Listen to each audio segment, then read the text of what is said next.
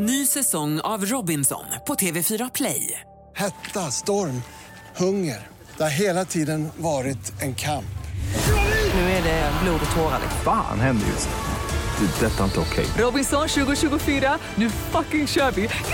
Streama söndag på TV4 Play. Podplay.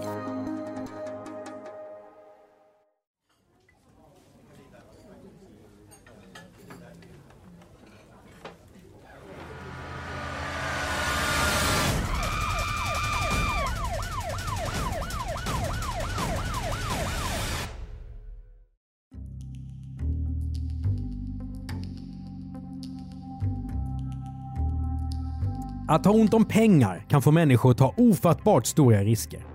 Som att skapa fejkade bitcoin-annonser, pressa andra på pengar eller kanske i värsta fall råna värdetransporter. Men vissa tar sina ekonomiska brott ett steg längre. Som IT-konsulten Daniel. Han säljer hemliga uppgifter till Ryssland för presentkort och kontanter. Men hur smart är det egentligen att sitta i offentliga miljöer och öppet prata om sitt spioneri? Välkommen till ännu ett avsnitt av Misslyckade brott. I den, vad vi tror, avlyssningssäkra bunker som Podplay kallar studio sitter agenten Mattias Bergman och infiltratören Andreas Utterström. Sommarsäsongen av Misslyckade brott kommer med ett avsnitt per vecka i sommar. Men du som lyssnar genom Podplay kan höra alla fyra avsnitt redan nu.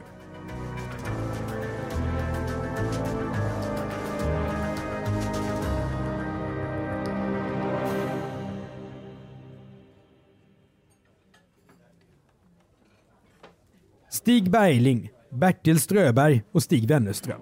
Tre av 1900-talets mest kända svenska spioner. Den gemensamma nämnaren är att de genom sina jobb hade insyn i det svenska försvaret och kunde lämna ut hemliga uppgifter till dåvarande östblocket. Men spioner bär inte alltid uniform. De kan också vara IT-nördar, anställda av svenska företag. Som Daniel. Han är i grunden civilingenjör. Efter examen doktorerar han och forskar i några år och blir sedan konsult. Ibland i eget bolag, ibland via konsultföretag. Men Daniel är ingen laglydig medborgare. Han fälls bland annat för bokföringsbrott och åker på villkorlig dom och böter. Mellan 2016 och 2019 har Daniel konsultuppdrag för Volvo i Göteborg och Scania i Södertälje. Där har han tillgång till hemligt material som källkoder och annat. Sånt som absolut inte får komma ut. Och källkoder, ska vi förklara vad det är?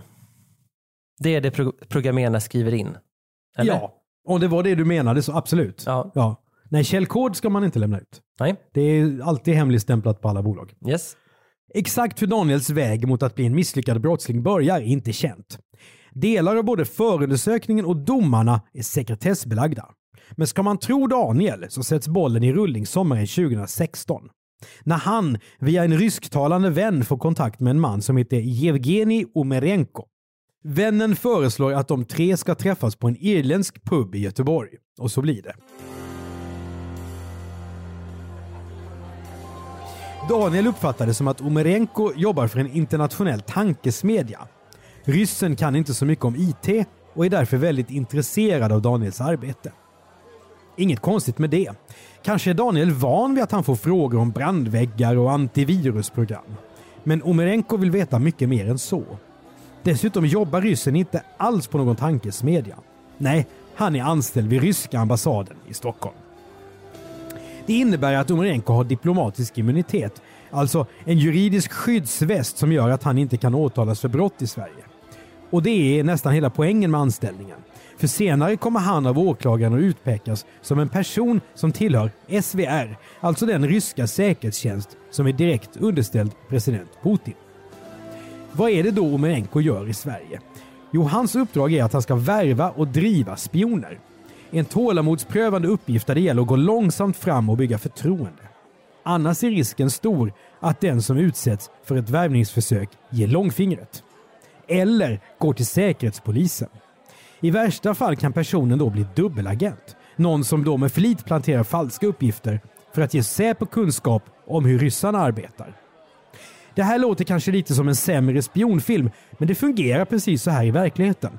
Du som tvivlar kan läsa boken Säpo inifrån, som är skriven av kriminologen Lars Korsell och Bengt Nylander, tidigare chef för Säpos kontraspionage. Jag blir nästan lite misstänksam Andreas att det finns en bok som heter Säpo inifrån. Strider inte det mot verksamhetens natur? Ja, men nu är ju Säpo mycket mer öppen och jag tror att det är väldigt bra att det finns sådana böcker skrivna av gamla chefer så att allmänhetens förtroende ökar och att man förstår vad skattepengarna egentligen eh, går till. För att annars har ju Jan Guillou och andra spridit uppfattningen om att eh, Säpo är klantar som aldrig gör något vettigt och så. Men nu tillbaka till Daniel och hans nya bekantskap Yevgeni Omerenko. De två fortsätter att träffas, men då utan sin gemensamma rysktalande vän. Bland annat ses de på en krog på Avenyn i Göteborg. Och på något sätt kommer Säpo nu de här herrarna på spåren. Kanske får Säkerhetspolisen ett tips. Kanske har de redan ryssen under bevakning. Hur som helst, vid minst fyra tillfällen mellan 2017 och 2019 träffas Daniel och Omerenko i Göteborg, Stockholm och Varberg. Allt detta dokumenteras av Säpo. Senare hittas också anteckningar och annat som tyder på att den svenska spionen och ryssen träffats ytterligare 16 gånger. Det brukar gå till så att den som värvas som spion uppvaktas på ett sätt som kan liknas lite grann vid en kärlekshistoria. Relationen mellan en underrättelseofficer och spionen är nämligen helt avgörande. För vem skulle vilja spionera på uppdrag av någon som är osympatisk? Jag kommer ihåg i någon av de här Peter-dokumentärerna så är det en gammal Säpo-chef som berättar att de, de var ju väldigt vaksamma på om, om svenskar skulle då bli approcherade. Och då pratade de, de om, jag tror det var vit fas och brun fas, kommer du ihåg det? Är det um, champagne och kaviar? Ja, vodka och konjak. Just det, det är olika steg då i den här Ja uppvaktningen. men just det.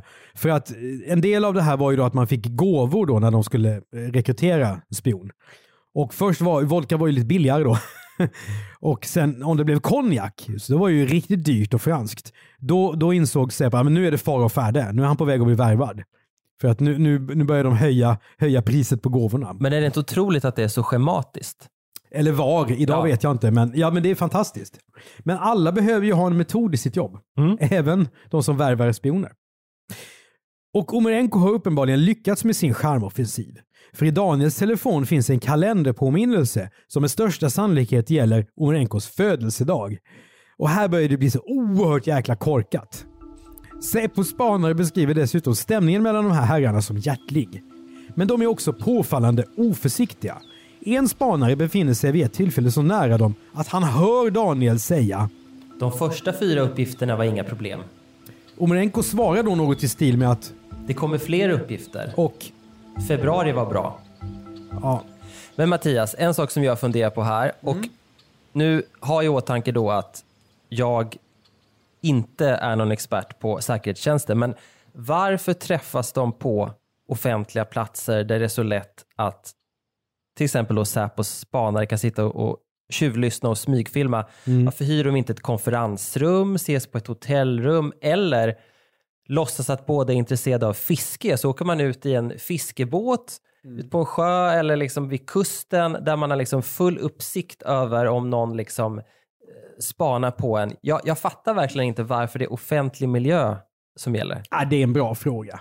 Och jag är ju lika lite expert på detta som du. Men jag, och jag har tänkt på det hela helgen faktiskt. För att jag vet inte, men kan det vara så att det finns lite historik i detta? Därför att för bara 30 år sedan, då var det ju ganska omöjligt att tjuvlyssna eller smygfilma ute på gatan. Då var det ganska bra att stå vid äppelståndet uppe på Östermalmshallen eller något sånt där. Absolut, men det verkar ju ändå... Ja, men just, Konferensrum kommer ju alltid att lämna spår. Någon ska skriva in sig som någon och så. Ses på hotellrum och det. Fisketuren är nog nästan det bästa exemplet du har tycker jag. Den gör vi. den gör vi. Ja, det har du rätt i. Men det är en jättebra fråga. Eh, du som lyssnar och jobbar eller har jobbat på Säpo, eh, berätta mer så följer vi upp genom att mejla till Misslyckade bplus.se och det går att mejla även krypterat. ja och det är B plus med eh, bokstäver. Ny säsong av Robinson på TV4 Play. Hetta, storm, hunger. Det har hela tiden varit en kamp. Nu är det blod och tårar. Fan händer just nu. Det. är Detta är inte okej. Robinson 2024, nu fucking kör vi! Streama söndag på TV4 Play. Ett poddtips från Podplay. I fallen jag aldrig glömmer djupdyker Hasse Aro i arbetet bakom några av Sveriges mest uppseendeväckande brottsutredningar. Går vi in med hemlig telefonavlyssning och, och då upplever vi att vi får en total förändring av hans beteende. Vad är det som händer nu? Vem är det som läcker? Och så säger han att jag är kriminell, jag har varit kriminell i hela mitt liv men att mörda ett barn, där går min gräns. Nya säsongen av Fallen jag aldrig glömmer på Podplay.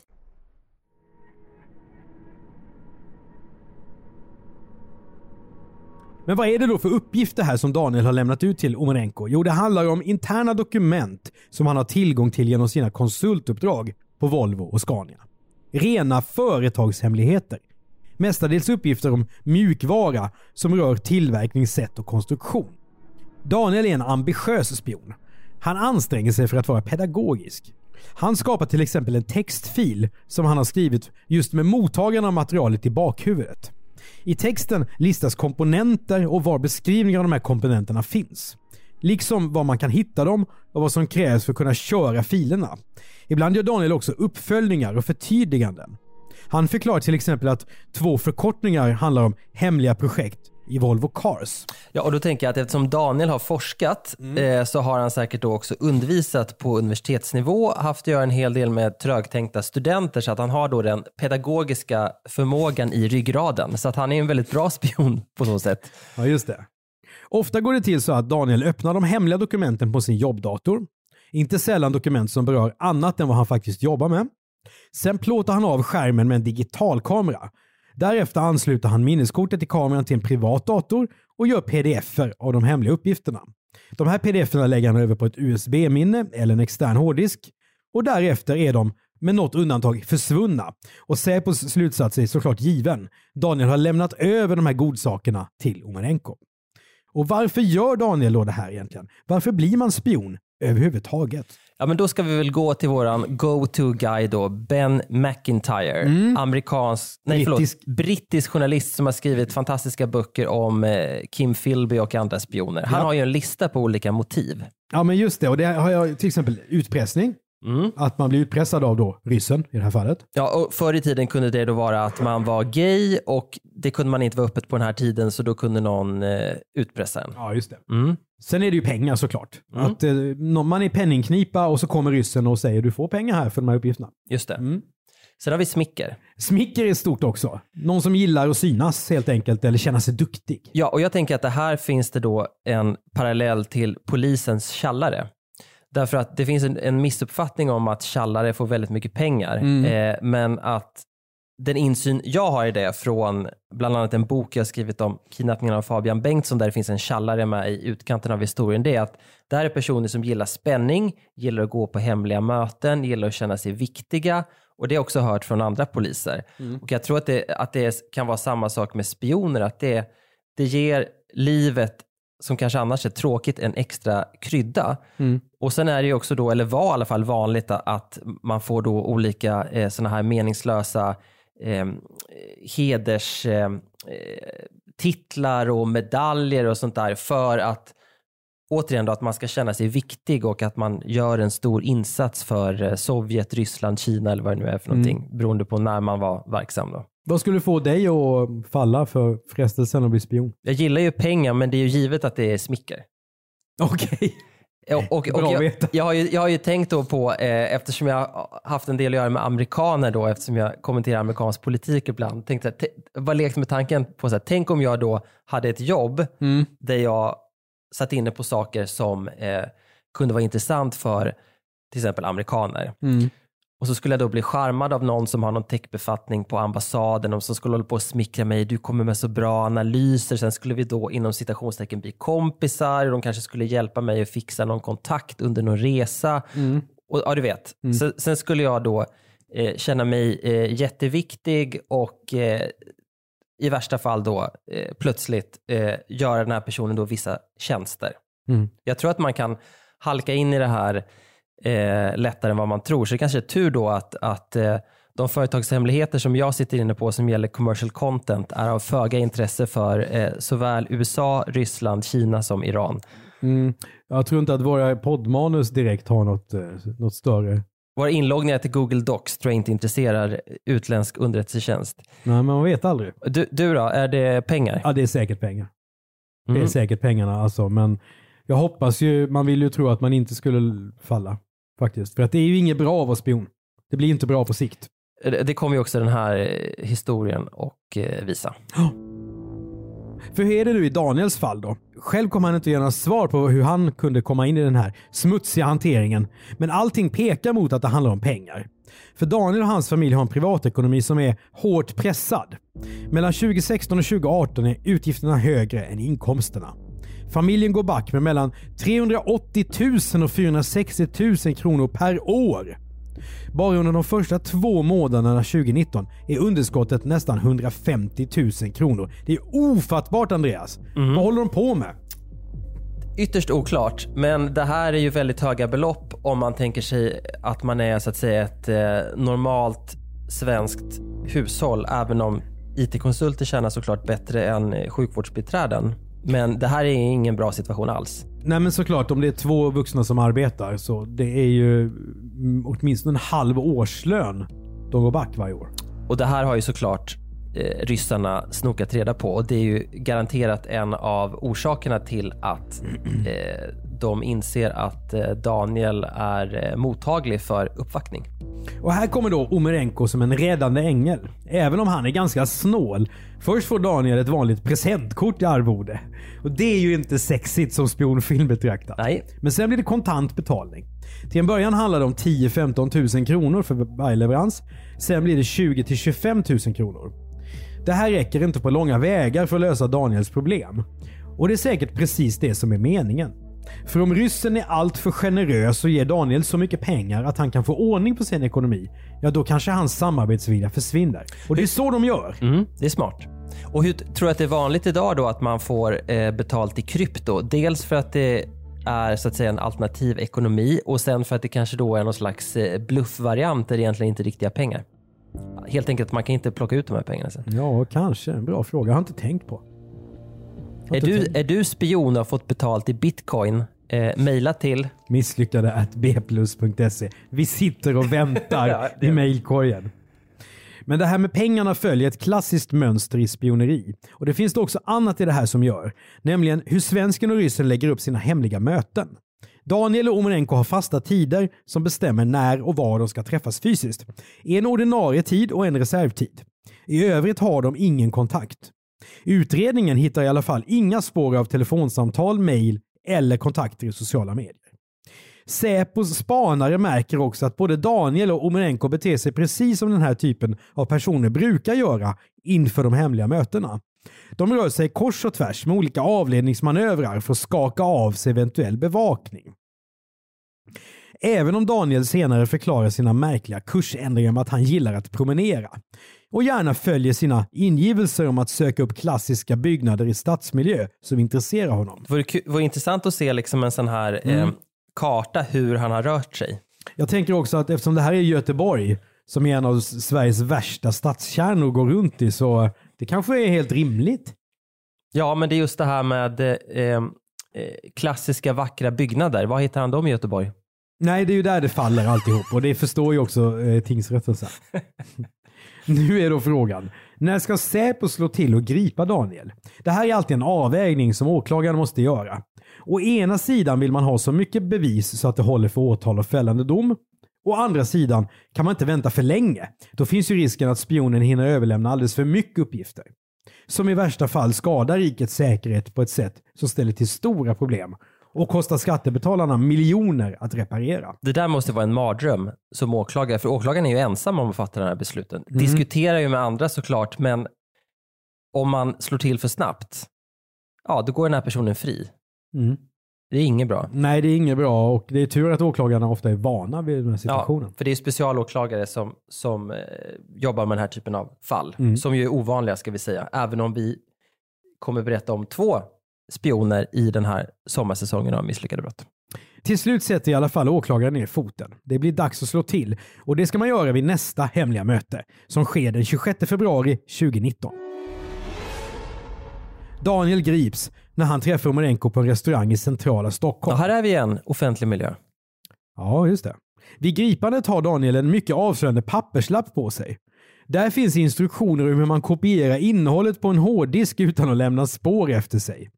Dessutom har Daniel 27 800 kronor i kontanter på sig. Så nu kan man se hur arvodet har höjts lite. Ja, nu är det 2 800 kronor till här. Men han hade ju Mm. behövt alltså, sexsiffriga belopp för att han hade kunnat se, så att Mm. säga, att om jag gör det här 6-12 månader till så kommer jag ha, eh, så att säga, eh, kunnat eh, få rätt sida på min ekonomi. Ja.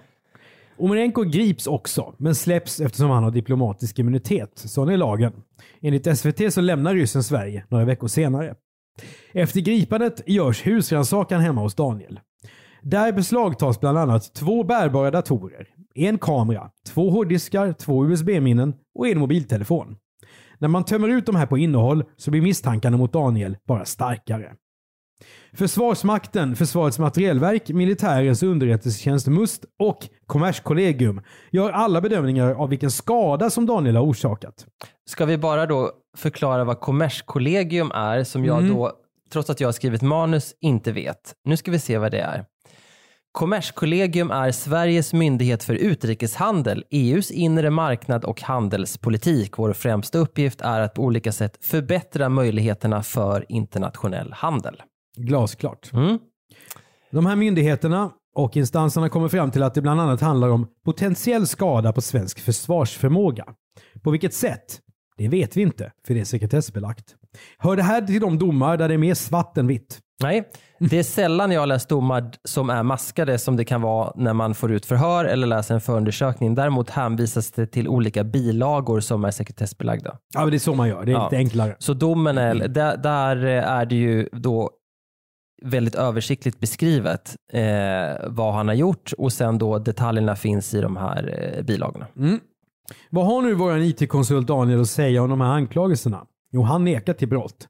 Både under utredningen och i de kommande två rättegångarna. Daniel menar att han inte alls har förstått att Omarenko är en rysk underrättelseofficer. Antingen är Daniel naiv bortom alla gränser, eller så ljuger han. Varför tror du att han nekar när det är så uppenbart vad han har gjort? Är det skam eller bara jag tänker inte erkänna, det kan finnas ett visst hopp om att det inte går att bevisa eller vad tror du? Mm. Är han rädd att om han skulle erkänna så råkar han samtidigt säga lite för mycket och därmed åka på ett, ett strängare straff? Ah, Jag vet inte. Jag menar, de har ju ändå de har gjort husrannsakan hemma hos honom. Hans möten med den här ryssen finns på film. Säpo har till och med hört vad han har sagt. Jag tänker mer så att vad har han att förlora på att erkänna? För, för vissa blir det ju en lättnad att man erkänner, man kan få tillbaka lite självrespekt. För jag får inga vibbar här om, och det finns ingenting som antyds på något sätt, att det här är ideologiskt. Nej, att, han, att han så att säga skulle vara en Ryssland-vän och har spionerat av det skälet. Utan av det som jag har kunnat läsa mig till så pekar ju allting mot att det här handlar om pengar. Så då finns det ju ingen så här ideologisk lojalitet heller. Ja, men du är lite inne på den här psykologiska grejen, att han kanske vägrar erkänna för sig själv. Så kan det ju vara ibland. Ja. Eh, men ja, det är intressant. Det, där kan man ju bara spekulera eh, i. Men, men det är ju inte så att det saknas bevisningar. Det är ju ganska uppenbart hur det här kommer sluta. Ja. Och det här att Daniel hemma på sin kammare har trixat runt med företagshemligheter som har bollats runt mellan de minneskort och USB-minnen och allt möjligt.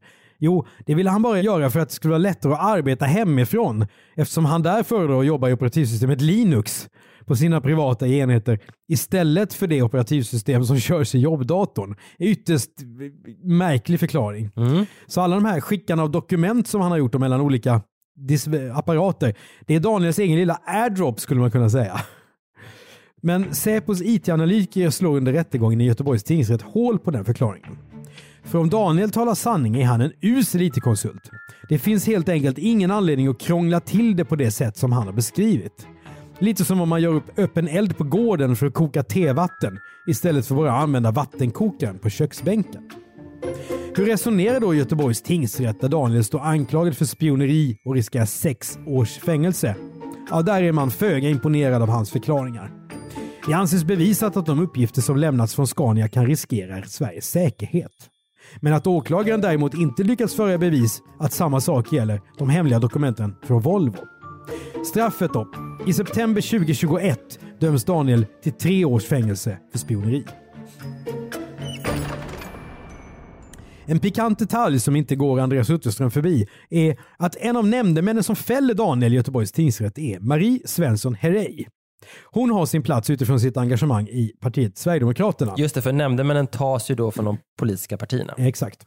Marie Svensson Herrey är dessutom syster till de tre bröder som har vunnit svenska Mello och Eurovision Song Contest 1984 genom att sjunga om Gyllene skor. Eh, och året före rättegången mot Daniel är Marie Svensson Herrey i blåsväder för att då har hon retweetat antisemitiska konspirationsteorier. Herrey är då nära att bli av med sitt uppdrag som nämndeman. Men den här Diggiloo Diggiley-systern har fått vara kvar trots att en lagman vid Göteborgs tingsrätt till tidningen GT har sagt att agerandet är riktigt, riktigt illa. Däremot får Marie Svensson Herrey en varning av SDs partistyrelse. Men den här lilla utvikningen kan, kan vi nu lämna därhän och gå tillbaka till Daniel. För han överklagar domen från Göteborgs tingsrätt. Han nekar fortfarande till brott och vill bli frikänd. Målet hamnar då i hovrätten för västra Sverige som i december 2021 säger sitt. Bedömningen blir lite annorlunda här. Hovrätten menar att det bevisat att de uppgifter som Daniel har lämnat från både Volvo och Scania skulle riskera att skada rikets säkerhet. Men det här påverkar inte straffet. Daniel döms även i hovrätten till tre års fängelse, vilket betyder att han ska sitta inne i ungefär två år, om han sköter sig då. Om vi nu ska zooma ut lite grann här, så är Daniel enligt Säkerhetspolisen långt ifrån ensam om att ägna sig åt företagsspioneri. Och Ryssland fortsätter att intressera sig för svenska hemligheter. Inte minst de som finns på Volvo, Scania och andra framgångsrika multinationella företag här i landet. Då kanske du som lyssnar, IT-konsult eller inte, undrar vad du ska göra om du blir approcherad av någon som verkar misstänkt intresserad av ditt jobb, där du har tillgång till en massa hemliga uppgifter. Jo, Säpo vet ju svar på det här. De har en sajt och då står det så här. 1. Anteckna vem som har kontaktat dig och vilken anledning till kontakten personen uppgav. 2. Notera när och var första kontakten togs. 3. Tipsa Säkerhetspolisen. Den som tror att Säkerhetspolisen är en myndighet där fax och rörpost gäller är helt ute och cyklar. För om du vill berätta om ett misstänkt värvningsförsök räcker det att du fyller i ett formulär på sajten. Där kan du till och med ladda upp bilder och ljudfiler. Tiden då Säpo var så hemligt att vanliga medborgare inte förstod hur de skulle höra av sig känns oerhört avlägsen. Vi andra som inte jobbar med saker som vi tror intresserar främmande makt kan fortsätta sova gott om natten, även av andra skäl. Som att Säkerhetspolisen numera har humor. För i Säpos allra första tweet som kom 2015, då skriver de så här. För säkerhets skull finns vi nu på Twitter. Följ oss, för vi följer er. Du som lyssnar på Misslyckade Bort i Podplay, du kan lyssna på alla fyra avsnitten i sommarsäsongen redan nu. I nästa avsnitt av Misslyckade Brott, om när PR-konsulten, festfixaren och barberaren Mikael Bindefeld fick bilen repad. Ett brott med mycket oväntad upplösning. Du har hört ett avsnitt av Misslyckade brott av Mattias Bergman och Andreas Utterström. Exekutiv producent av podden är Jonas Lindskov. Tipsa oss om fall som vi borde prata om i Misslyckade brott till misslyckade bplus.se. Prenumerera gärna på podden och betygsätt den i din poddspelare så är det fler som hittar till den. Du som lyssnar på Podplay, du får ut alla avsnitt av säsong 10 samtidigt, så du har mer att gotta dig åt. I vanliga fall driver jag commercial content som jobbar med företagspoddar. Tillsammans med Mattias gör jag för Podplay bland annat dokumentären Jag var där. Lyssna gärna. Podplay, en del av Power Media. Ny säsong av Robinson på TV4 Play. Hetta, storm, hunger. Det har hela tiden varit en kamp. Nu är det blod och tårar. Fan händer just nu. Det. är Detta är inte okej. Robinson 2024, nu fucking kör vi! Streama söndag på TV4 Play.